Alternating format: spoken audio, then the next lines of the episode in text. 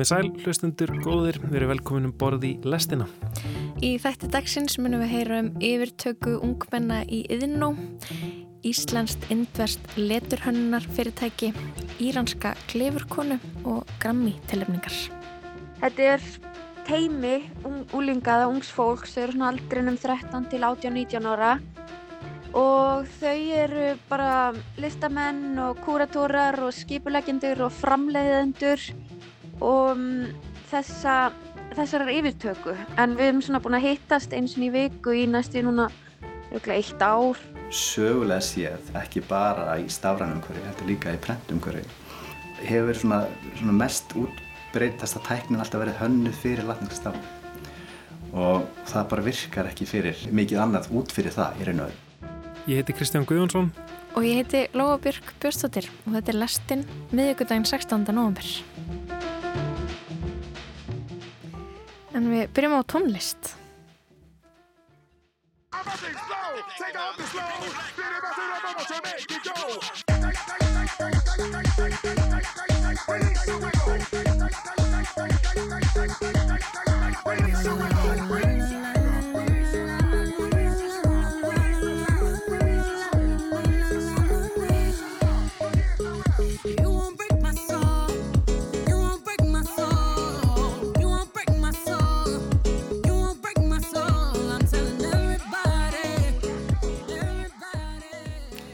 Í gær var tilkynnt um tilnefningar til Grammy velunna.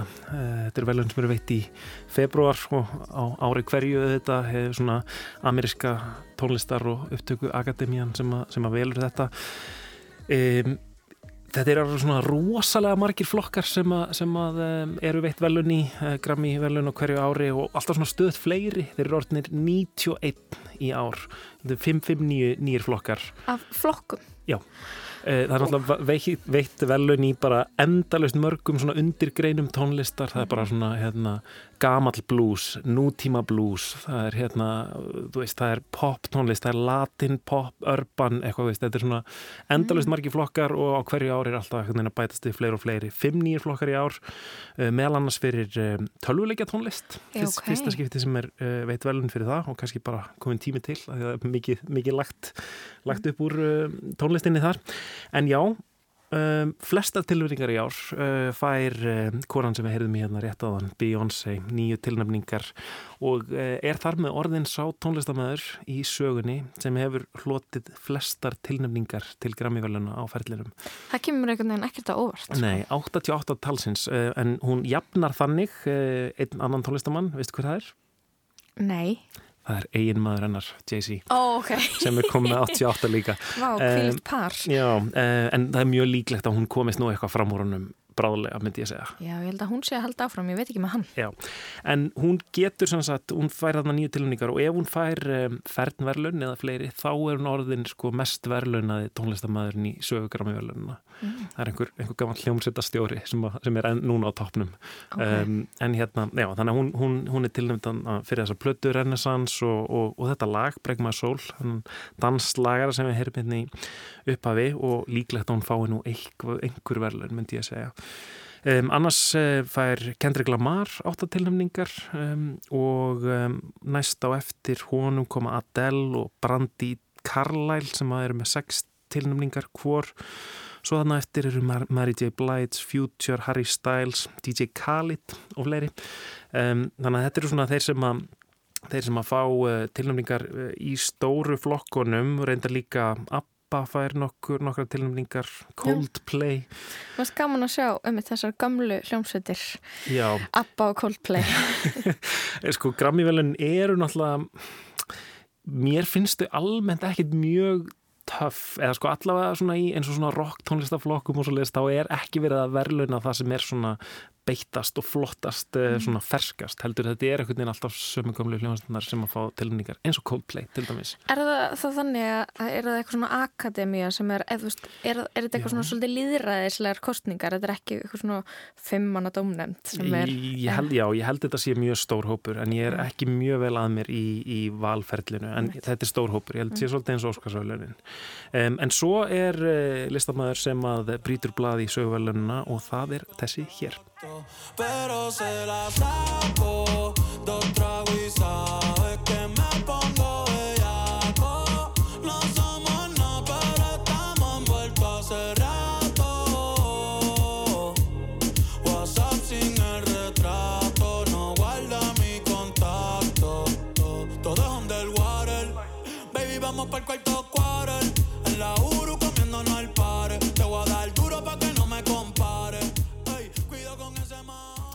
Já, þetta er eh, Puerto Rico iski tónlistamæðurinn Bad Bunny.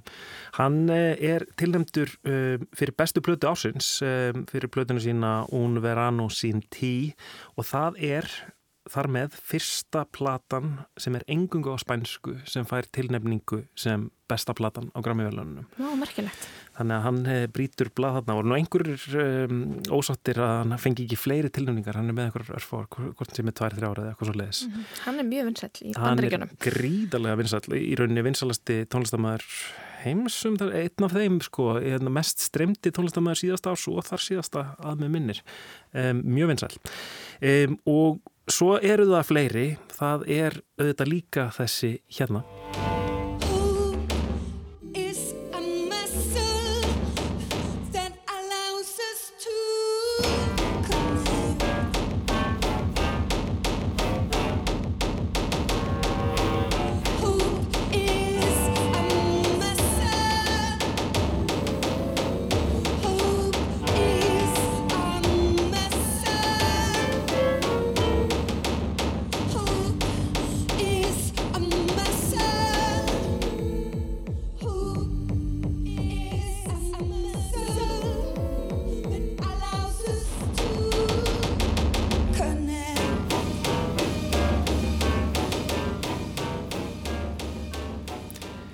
Björk okkar Guðmundsdóttir tilnæmt eh, fyrir plötuna sína Fossóra, tilnæmt sem besta platan í flokki alternativ tónlistar, um, jaðar tónlistar, eitthvað svo leiðis. Er það ekki svolítið svona víð flokkun?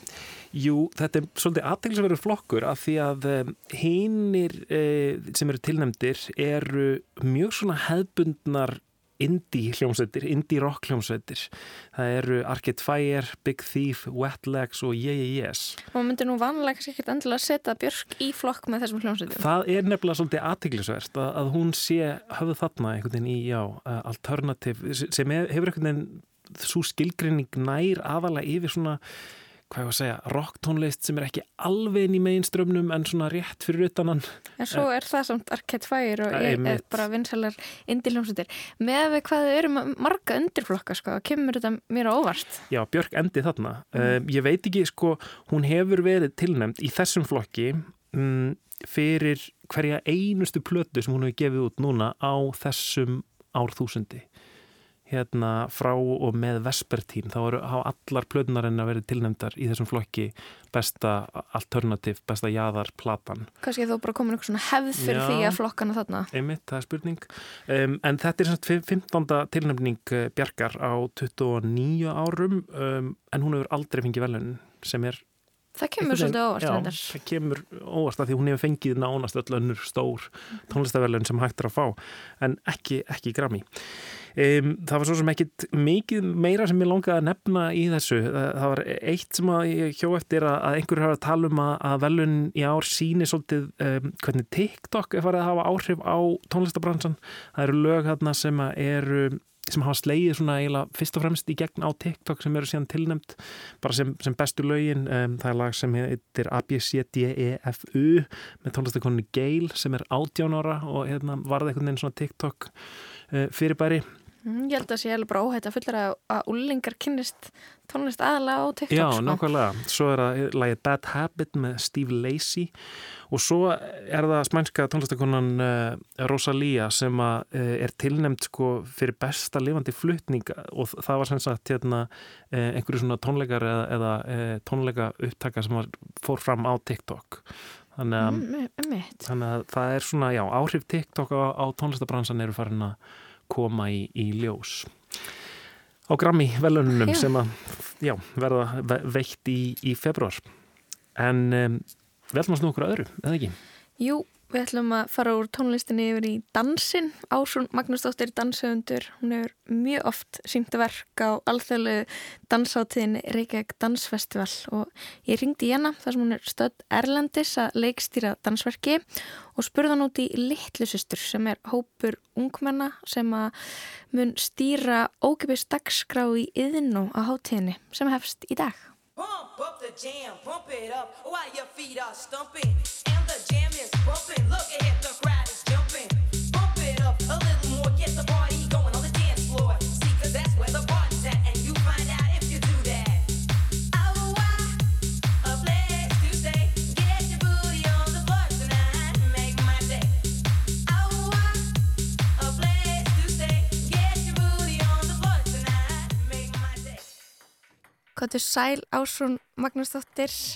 Þú ert, ert stödd Erlendis. Hvað ert að gera?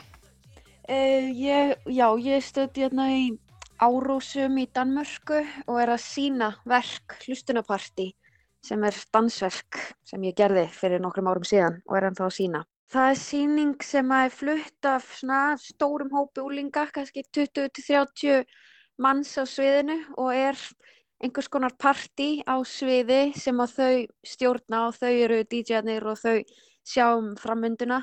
En þetta er svona mjög koreografærað partí þannig að það gerist eitthvað við hvert lag sem þau spila. Mm Og ferð með þetta verk á milli landa og þá finna úlinga Mhm. bara í hverju landi fyrir sig. Mm já, nákvæmlega. Reyndar er ég svo að ég slepp oftast við það en, en þau sem að bjóða mér hvort sem það er leikhús eða festival þau, þau finna úlinga á hverjum stað fyrir sig. Þannig að núna er ég að vinna með, með dönskum úlingum. Og hvernig er það að vera með dönsku úlingunum? Er það ekki skemmtilegt? Það er bara æðislegt. Það er sérstaklega svo gaman að því ég er svo duglega aðeins í dönskunni við þau. Svo, þannig að það er svo gaman. Þau eru, þau eru bara geggjað.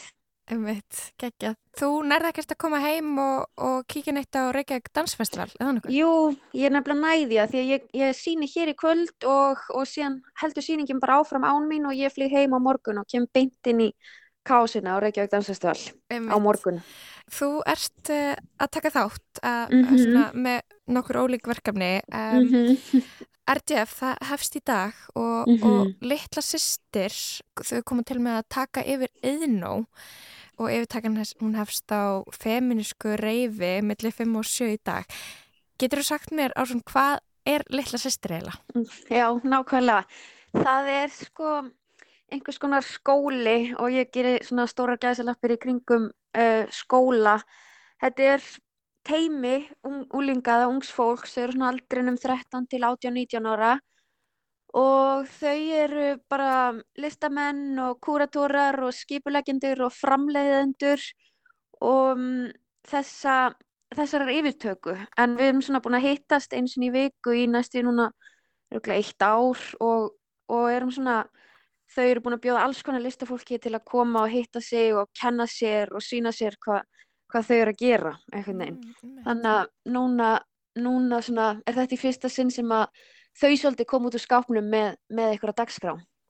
Einmitt. Þannig að þetta er búið að vera einhvern veginn eh, starfandi lengi, litla systir. Það er ekki, það er ekki stopnað uh, í kringum Reykjavík Dansfestival. Jú, það er svona stofnað í kringum Reykjavík Dansfestival og í fyrra, en í fyrra, þú veist, það er allir búin að gleyma en þá var ennþá mjög mikið COVID, þannig að þá vorum við með einhverja dagskrá en, en það allt einhvern veginn cancelaðist og, og svoleiðis, þannig að núna er þetta svona í fyrsta sinn sem að, sem að þau eru sínileg, þannig séð, opinberlega. En já, þannig að þetta er búið að vera svona eitt ár og sumir, það af nýjum úlingum núna sem er að taka þátt sem var ekki fyrra og svona, þetta er svona breytilegur hópur, þannig séð. Einmitt. Ég sé að í kvöld þá eru þetta feministka reyf og þá er Anna Kolfuna Kúran með. -hmm, Uh, annars er uh, umsjónumenn svona þessa, þessa skóla, það er þú Mhm. og, og Anna Margrét Ólafsdóttir og Marta Ágadóttir Nákvæmlega. Og fá þau síðan svolítið að stilla upp dagskráni á þessari yfirtöku, úlingarnir. Já, þau eru svona þau eru að framleiða þetta feminíska reif og s- sýningastýra því eða kúratóra, þau, þau réðu önnukolfinu kúran í, í giggið, ef við getum sagt svo, Mm. og eru að framleiða þetta verk og síðan á morgun þá verður workshop sem að hún Antonía Bergþórsdóttir hjá Flæði ætlar að vera með, þar sem öllum er búið að koma og búa til leirskúlptúr á föstu daginn er síðan annað workshop sem að gró, neða, uh, tvær stelpur úr hljómsveitinni gróa eru með tónsmíða workshop og síðan á lögadaginn er eitthvað skonar hátíðarfundur sem að það er svona hægt að kynnast meðlumum litlu sýstu betur og já, þetta er allt þeirra draumar sem er núna að verða að veruleika og ég og Anna Margrét og Marta erum svona bara peppa þau áfram í, a, Mhm. í að láta þetta gerast. Veistu eitthvað um þetta feminska reif? Veistu hvernig það verður? Já, ég held að verði svolítið geggja. Þetta eru alveg hópur, hópur krakka sem eru að dansa, gjörsamlega sturlast yfir tónlist að eigin vali og ég held að þetta sé einhvers konar þáttöku verk. Ég held að fólk sé hvað til að stundum dansa með þeim allavega, ekki bara standa og horfa eða sitja og horfa og ég held að þau, þetta er eitthvað, eitthvað útópíst.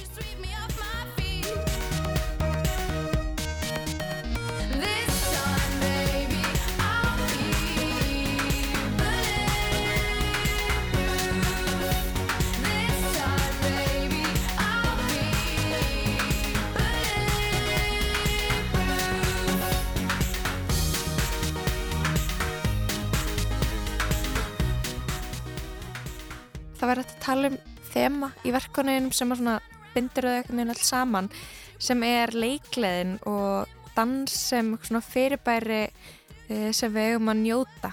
Og svo er það svona líka þessi uh, áhersla á að, að fagna alls konar dans hvernig við dansum öll á ólíkan hátt bæði í verkinu Ball sem að vera sýnt á RDF um helgina þar sem það er fjölbreyttur hópur dansara á öllum aldrei sem að færa einhvern veginn að sína listi sínar. Svo í hlustunapartí sem þú ert að sína úti og, og svo má líka minnast á verkið Girls sem var sýnt á RDF þar sem að úlingstelpur taka yfir sviðið á, á geggjaðan hátt og svo heldur þetta líka áfram í litlusistur uh, í reyfinu þar sem að áhörundur uh, áhörundur fá að vera með uh, eins og þú talar um. En var ekki fyrsta verki sem þú sýndir á Reykjavík Dansfestival smá líka í þessum anda, hérna ekki hásparti ef, ef mér ekki að mismina. Jú, það var nefnilega það, gaman, jú, nefnilega það, þá var verk sem að ég vann, þá átti ég heima á Njálsgötu og ég vann með nágrönnum mínum á Njálsgötu og fekk þau til þess að opna íbúðina sínar eða húsin sín og bjóða gestum Reykjavík Dansfestival inn í, í danspartí. Þannig að það var svona fyrsta, fyrsta verkið, það sem ég er að byggja fólk um að gera eitthvað sem það vill helst ekki gera en svo, svo gerir það það og það verður alltaf svo geggjað. Mhm. um, þessi hátíð, er þetta hátíð sem stendur er nærri, ekki mikilvæg fyrir íslensku danssenna? Jú, hún er það svolítið. Hún er svona smá uppeldis uh, móðir mín í, í, í, í bransanum og, og er mjög mikilvæg fyrir íslensku sennuna af því að bæði fyrir bara uh, fólk sem býr á Íslandi sem vil koma og sjá sýningar sem það annars eiginlega ekki sér að, að það er mjög erfitt að sjá sýningar í þessum anda einhvern veginn, svona Mhm. dagstaglega og síðan er þetta líka mjög mikilvæg hátíð ef maður vill einhvern veginn hasla sér völl erlendis eins og til dæmis hlustunapartí sem ég síndi fyrir fimm árum á Reykjavík Dansfestival og er ennþá að sína núna í Evrópu einhvern veginn. Þannig að hún svona, þetta er bara mjög sterk alþjóðleg hátíð og getur hjálpa manni svolítið að komast út fyrir Ísland. Einmitt. Varstu með verk sem að áður sem að fer að túra eftir að þú sýndir á Reykjavík Dansfestival? Já, njálskötuverki hefur, hefur allavega verið sínt alltaf einu sinni að tvísvar eitthvað staðar í útlöndum en hlustunapartí var kannski svona fyrst, já, 100% fyrsta verkið sem að, sem að fekk svona stórt, eða svona tók stórt stökk. Einmitt.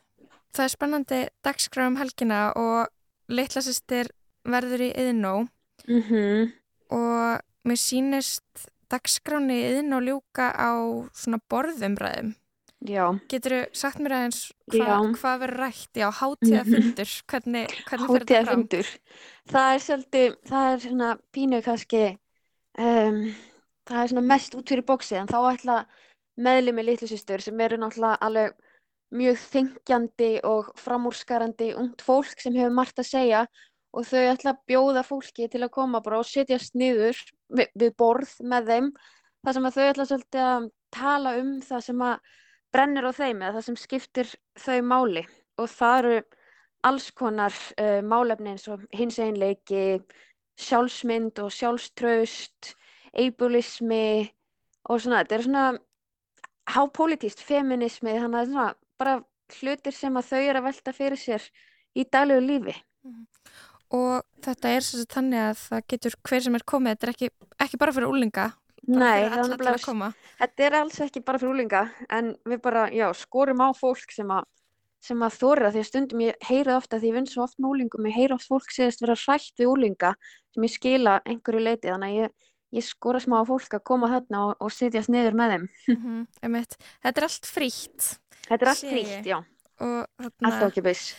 Gekkjað. Eh, það verður örgulega stuð í yðin og í dag á feiminska reyfinu já. og er eitthvað sem þú spún ákveð að sjá pottið þegar þú kemur heim? Já, ég ætla pottið að sjá Gentle Unicorn um, eftir Gjeru Bersani sem er á lögadaginn og ég er mjög spennt fyrir því en hún er ítölsk listakona heims fræk í þessum heimi og svo er ég náttúrulega bara spennt fyrir öll öðru, ég ætla að sjá líka Gægen Gæst í hjá dansfloknum á fyrstu daginn. Frábært, takk hella fyrir spjallásun og bara gangið er vel með frumsýninguna á, á hlustunaparti í kvöld í Árósum. Takk hella fyrir, takk hella fyrir. Aða gott. Ok, takk sem við leiðist.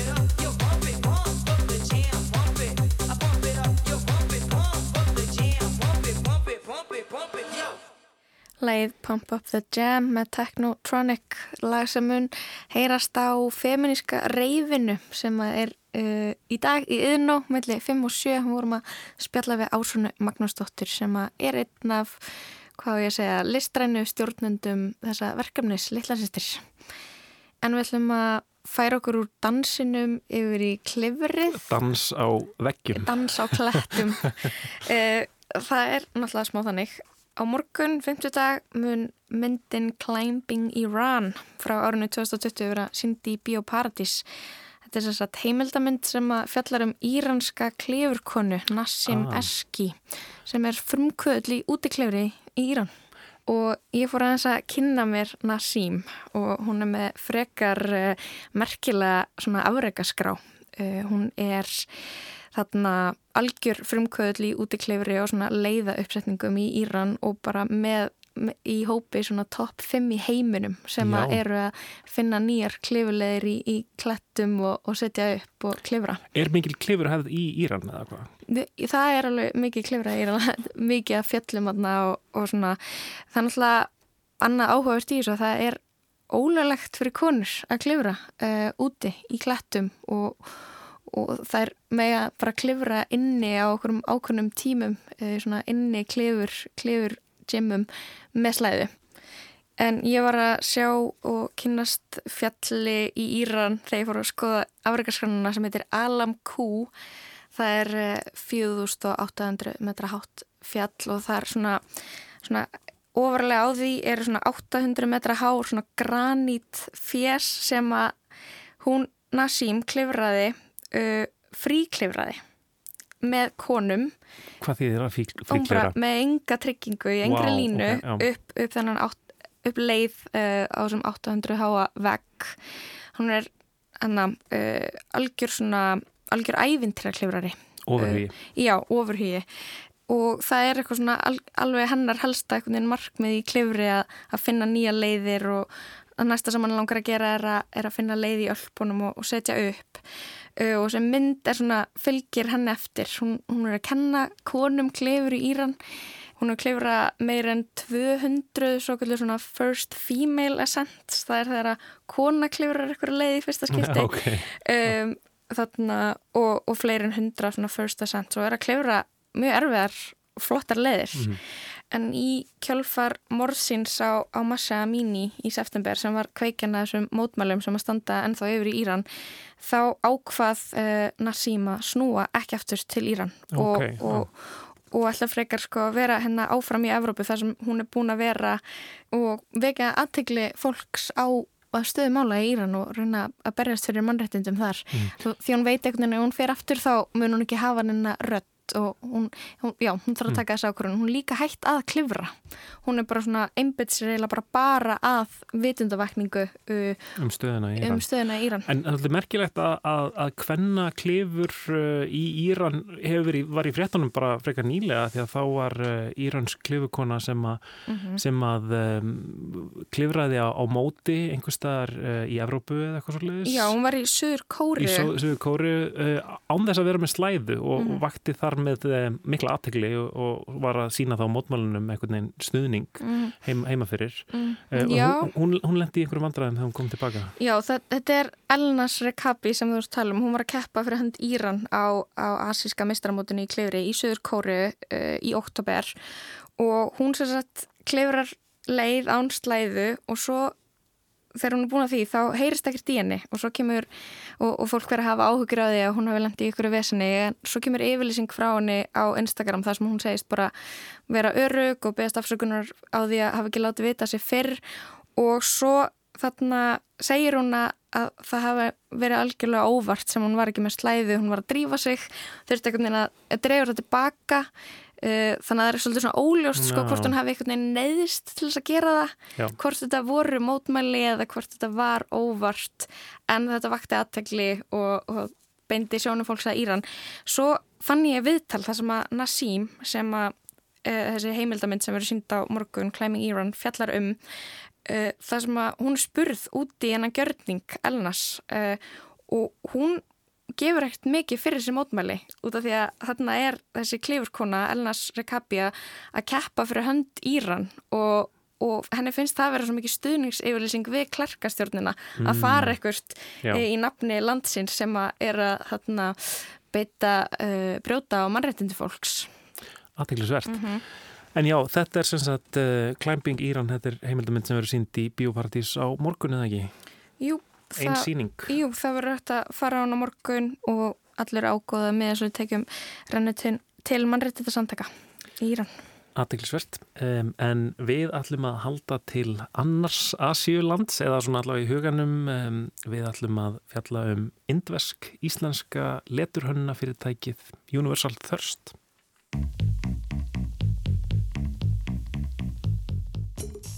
Ég heiti Gunnar Viljámsson og ég er leturhönnur. Ég er með fyrirtæki sem heitir Universal Thirst sem að sérhæfi sig í hönnun og leturgerðum fyrir indvesk og latniska stafrafið.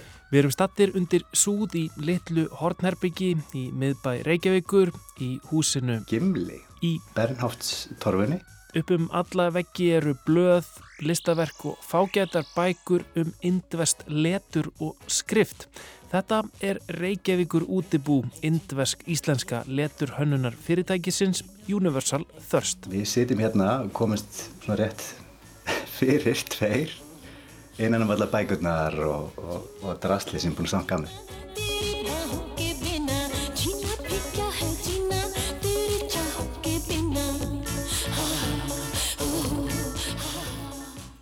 Við byrjum á að ræða hvernig það gerist að grafískur hönnuður á Íslandi fyrir að einbynda sér að hönnun leturgerða fyrir indveska skrift. Þetta er bara röð tilvíluna, myndi ég segja, og svona svolítið forvitni sem maður rekum hann kannski áfram.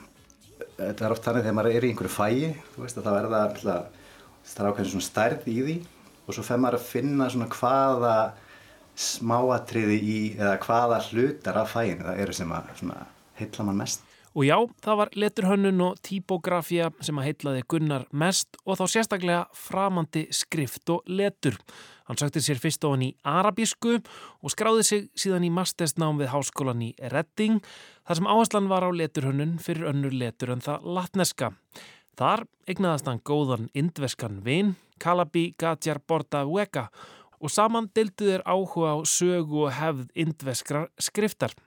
Einhverjum árum eftir útskrift, þegar báðir höfðu samkað að sér reynslu hjá stórum hönnunarfyrirtækjum í London, fluttu þeir svo til sinna heimalanda, Íslands og Indlands, en ákvaðum um leið að láta gamlan draum rætast og vinna saman.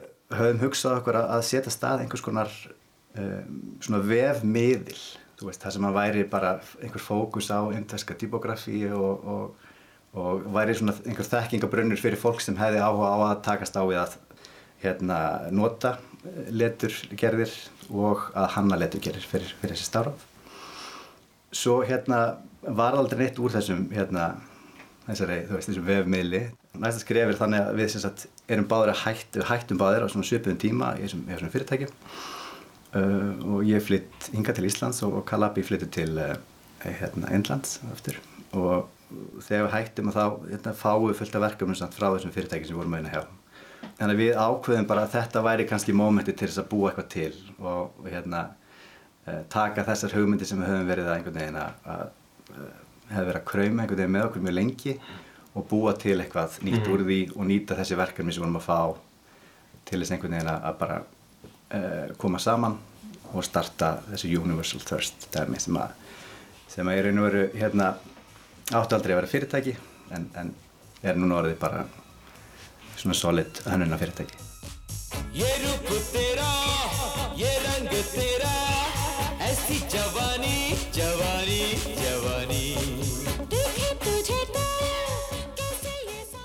Lógík eins og indverska letursins er hún svipuð og, og, og e, í latnarska leturinu þar sem að við erum með eitt staf fyrir hvert hljóð eiginlega og, og, og svona, er, er, er þetta svipuð lógík eða er þetta eitthvað allt annað, er þetta eitthvað, eitthvað svona myndtákn eða, eða hvernig virkar þetta? þetta er allt hljóðtáp og þetta er í, í grunninn svipað en þú veist, í latneska stafran þá notum við í raun og veru sko, við erum með tvö stafráf, við erum með þú veist, hástafina og lástafina og við oft gleymum því að það er, þú veist, þetta er sama hérna, stafráfið en, en, en þau eru svona, það er tvöfalt.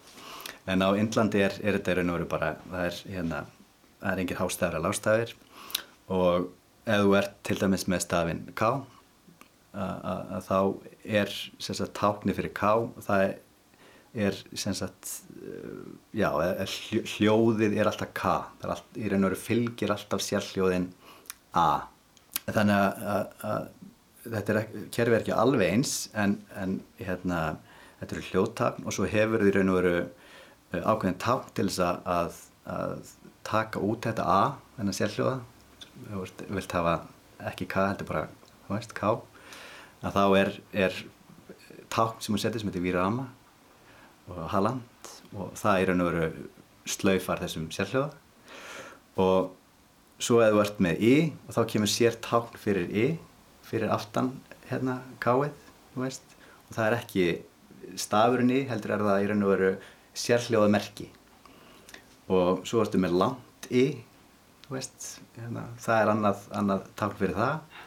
Og hérna stutta I-hljóði það kemur á undan K-inu og langa I-hljóði kemur á, á eftir þú veist, þannig að uppbröðunin er oft svona öðruvísi. Þótt að þú myndir sko lesa hérna, en, þú veist K-I eða Ki þá kemur samt I-ð sérhljóðtaknið á undan K-inu sko. þannig að veist, þetta er svona fer fram og aftur og er í raun og veru byggist upp á annan hátt heldur en Já. við erum vön En, en, en þannig að það, það, þá eru svona einhver í rauninni grunn uh, tákn sem er svo hérna, bætt við svona alls konar hérna, slaufum og, og viðbótum við til þess að smíða nákvæmlega hljóðið sem að maður vill út frá þessu grunn tákn eða grunn hljóðið einhvern veginn. Já. Já. Nákvæmlega þannig og það er mjög mikið af sagt svona s- samsteipum sem heitir conjunct uh, og hérna og þá ertu með í raun og veru samsteipu af, af tveimur stöðum uh, og getur oft orðið sko þremur stöðum. Og þá er það í raun og veru sko samhljóða hérna grúpa og, og þá ertu í raun og veru búin að slaufa öllum þessum sérhljóðum það er þessi tákn sem að hérna eru kannski mjög ábyrjandi öðruvísin heldur en til dæmis í latinska stafráðinu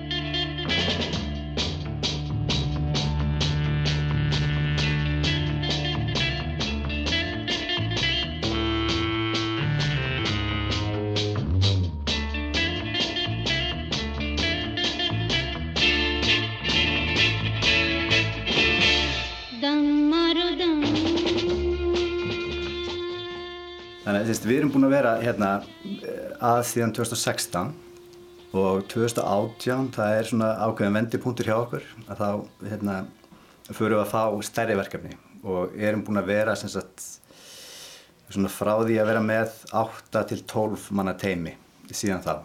Við erum 7 í dag. Stærstu verkefni sem við fáum er, er fyrir þessi tækni fyrirtæki sem að, þú veist, eru að vinna í gegnum snjallsímana og, veist, bara internetið og eh, svona okkar helsti viðskiptavinnur hefur verið Google og þau eru bara, veist, með verkefni sem að er að fókusera það að ná til auðvitað sem flestra notenda. Það er verkefni sem heitir hérna Next Billion Users og það snýst um það sagt, að ná til þessara notenda sem að er að nota sem, að lesa aðra skrift heldur en hérna, latinska stáraði og uh, á Indlandi er Google að framleiða mjög svona ódýra snjálfsíma með einhverjum kínverskum fyrirtækjum. Og á þann hátt þá er hægt að ná til allra sagt, líka kannski læri stjætta sem að nota sem sagt, eru vanari að lesa texta í sínum einn skriftum. दम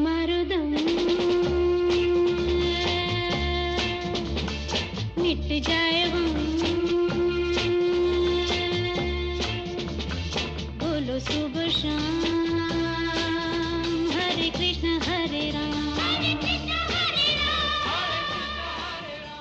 á Indlandi eru semst, er núna held ég að séu 11 skriftir allar þessar skriftir eru ólíkar Já, það er í í raun og veru sko, tengjast ákveðin hátt það er fyrsta skiptingin væri í raun og veru sko, norður indverska skriftir og svo söður indverska skriftir og svona helsta eh, og mest útbreytasta stafráfið á Indlandi er Devanagari. Og það er notað fyrir hindi eh, það er notað fyrir Marathi og Konkani og fullt af, fullt af öðrum, öðrum tungumálum. Og svo er sagt tengjast allar þessar skriftir hérna á Norðurinnlandi uh, þær hafa sagt svipaðan struktúr og maður getur séð, þú veist, þegar maður fer að skoða þær betur að, að það er svona upprunnilega þá er þetta allt svona einhvern veginn úr sömu rót. Og svo eru sem sagt söður indversku skriftinar þær eru oft sko meira svona já, meira byggðar á svona ringformum og það er raun og veru sko svona grunnbyggingin af því hvernig sko stafinir eru að það er alltaf tengt sko svona skriftar sko færanum sem eru notuð á söður Indlandi þá var flest skri- skrifað á hérna svona stór pálmalauf sem eru þurrkuð og svo er sem sagt skorið í hérna með svona einhverjum hérna e, stálpinna í raun og veru e, eða, eða trepinna rist í þessi blöð Vá. og málið það að þegar þið eru sem sagt, svona þurr að það er svo erfitt að gera sem sagt, beinu línar að því að þessi hérna, stíll eða hvað það er að það festist í rákonum veist þannig að það tekur yfir stjórnina. Þannig að það er þægilega að gera svona þingformin þannig að það er raun og veru svona Sö, sögulegar tæknilegar ástæður fyrir þessu bara. Já, akkurat, og það er raun og veru, þú veist, ef maður skoðar all, bara öll stafróf í heiminum, þá er þetta svona það svona stærsti faktorinn í því hvernig þau líti út, það er bara hvernig var, var, var þetta skrifað, þú veist, Já. þegar það var verið að móta þetta. Veist, svo bara núna er tæknið þannig að þetta er bara fast í einhverjum ákveðnum formum, skilur, og mjög ólíklegt að, þú veist, tölvan sé að fara að breyta þessu eitthvað, eitthvað hrikalega mikið hérni frá. Hérna, talaru einhver, einhver, einhver indvesk mál? Já, sko ég, ég skil svona grunn í hindi og, og urdu og það er svona þau mál er raun og veru svona voru sama málið á einhverjum tímpúti nema urdu er, er, er skrifað með arabískri skrift og, og, og hindi með devanagari en svo get ég lesið allar norður indesku skriftinnar og tamil líka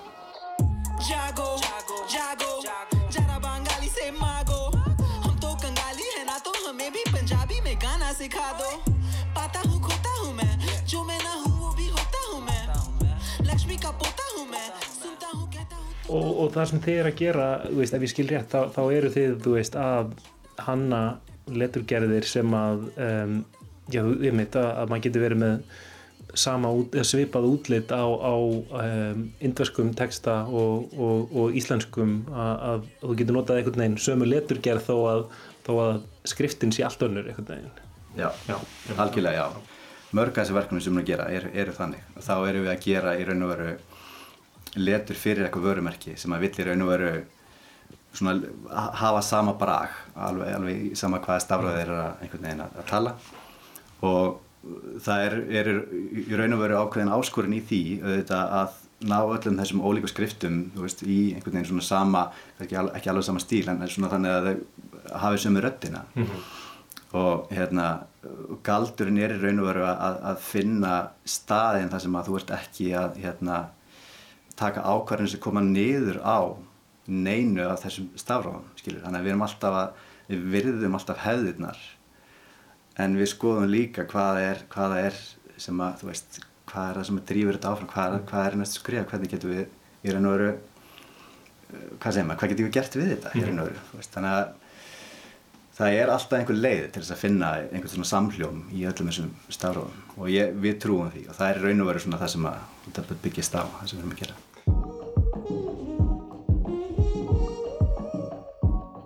sögulega séð, ekki bara í stafrænum umhverfi, heldur líka í prentum umhverfi hefur svona, svona mest útbreytast að tæknin alltaf verið hönnuð fyrir latneska stafrið og það bara virkar ekki fyrir þú veist, neitt svona mik mikið annað út fyrir það í raun og veru. Það sem var lengi að gerast sko, svona miðja já, ég myndi segja sko kannski miðja 2000-öldina var svona mest ábyrrandi að þá var, voru sko stjórnvöld oft í þessum löndum sem voru að nota aðra skriftir heldur en stafráf heldur en það latneska að það voru uppi hugmyndir um að sko breyta algjörlega stafráfunum þú veist, bara arabíska stafráfi bara gerum nýja útgáfaði til þess að geti fittað inn í þú veist, hvað væri hægt að prenta með því almennilega þú veist, þannig að þetta er svona svo, svolítið öfusnúið og, og, og líka svona gömul hugmyndafræði um sko, þú veist, við búum þetta til og svo er allir hinn bara einhvern veginn að aðlega sig að því tæknina einhvern veginn alþjóðlega áður hún setur hún út eða er reynir einhvern veginn að, veist, eða allar selja hann alþjóðlega.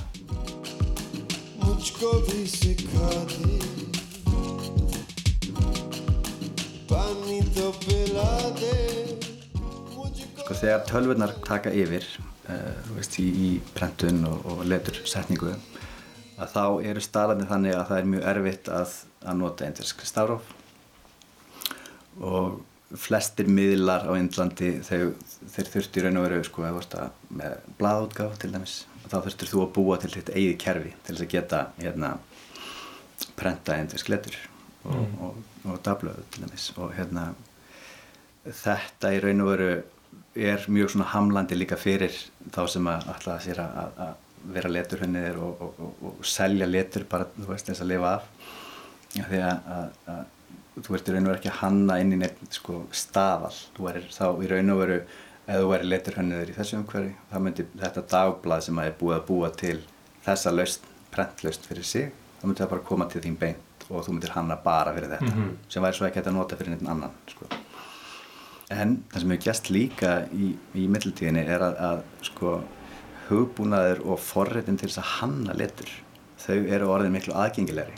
Þannig að hérna, fyrir þú veist, indverskan grafiskan hönnuð að þá er allt í hennu bara, þú veist, mjög auðvelt einhvern veginn að, koma sér inn í eitthvað forrit sem að býður upp á hönnun fyrir, þú veist, öll þessi ólíka stafróf og er bara með þessa staðla sem að tæknifyrirtækin eru búin að búa til og það er bara innbyggt í þetta forrit, skilur, þannig að nú ertu allt í hennu farin að bara að hanna inn í eitthvað umhverfi sem að var í raun og veru allt miklu einhvern veginn það er miklu erfiðar að sækja þetta áður, veist, það er bara, hvað áttur að byrja?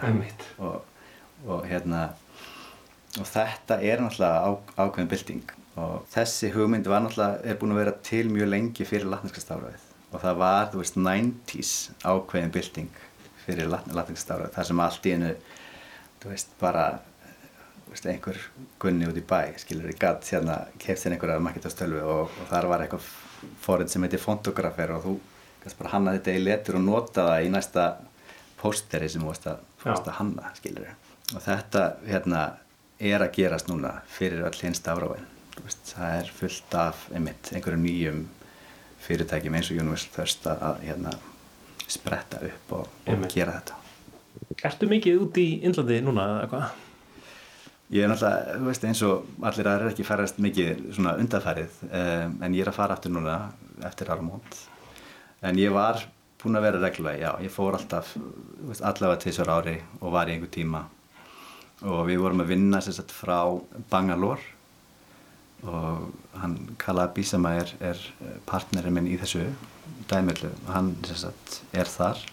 Og við vorum í stúdíu þar og, og svo erum við með sagt uh, núna eh, er þetta þannig að, að sko við lokuðum stúdíónu í COVID-inu og erum núna með hérna, eh, fólk í raun og veru á nokkrum stöðum á Indlandi sem er að vinna bara heima frá sér eða frá einhverju svona coworking space. Svona þegar hérna rigningin bílur hérna á, á glugganum það er hérna í, í miðbæri Reykjavíkur langaði það ekki bara að, að fara út af, á skrifstofuna þar? Algjörlega, ég bara væri alveg til í að fara núna. Bara helst ekki að sko Gunnar Viljánsson hjá Universal Thirst. Ta takk fyrir að hleypa mér hérna inn í um, inn á skrifstofuna þeina uh, lítið hornherbyggi hérna í Gimli í Bernhóstorfinni gangi ykkur vel að halda áfram að, að þróa letur fyrir allan heiminn. Takk hjá fyrir mig. Say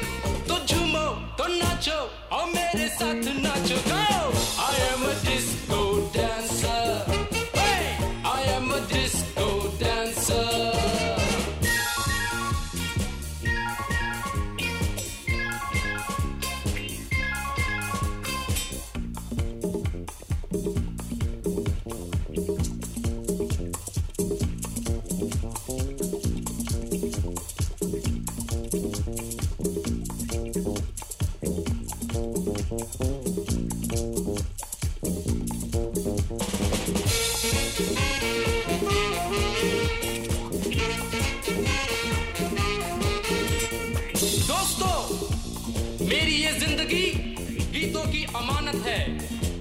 मैं इसीलिए पैदा हुआ हूँ। ये लोग कहते हैं, मैं तब भी गाता था, जब बोल पाता नहीं था।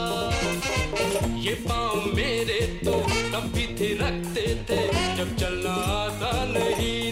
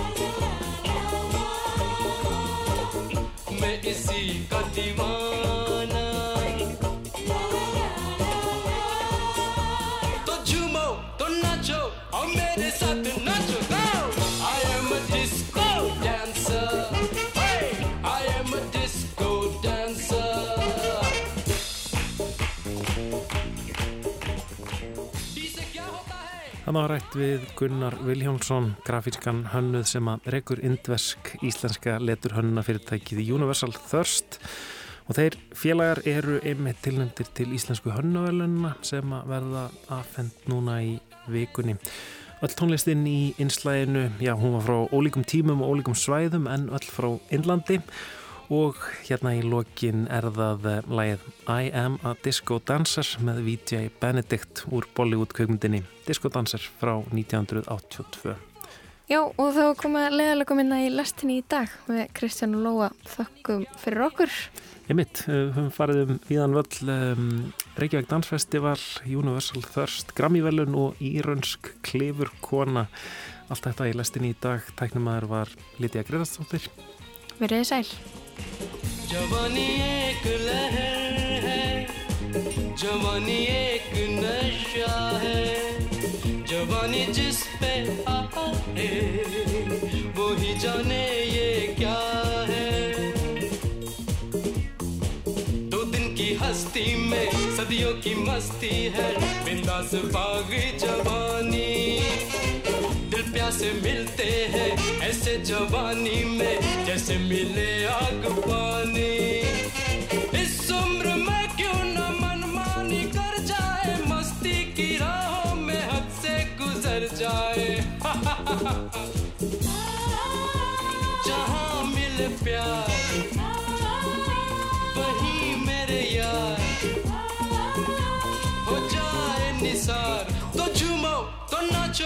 मेरे साथ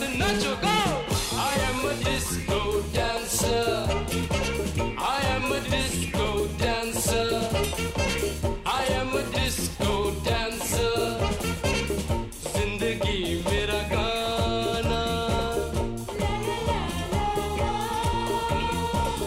मैं इसी का दीवान।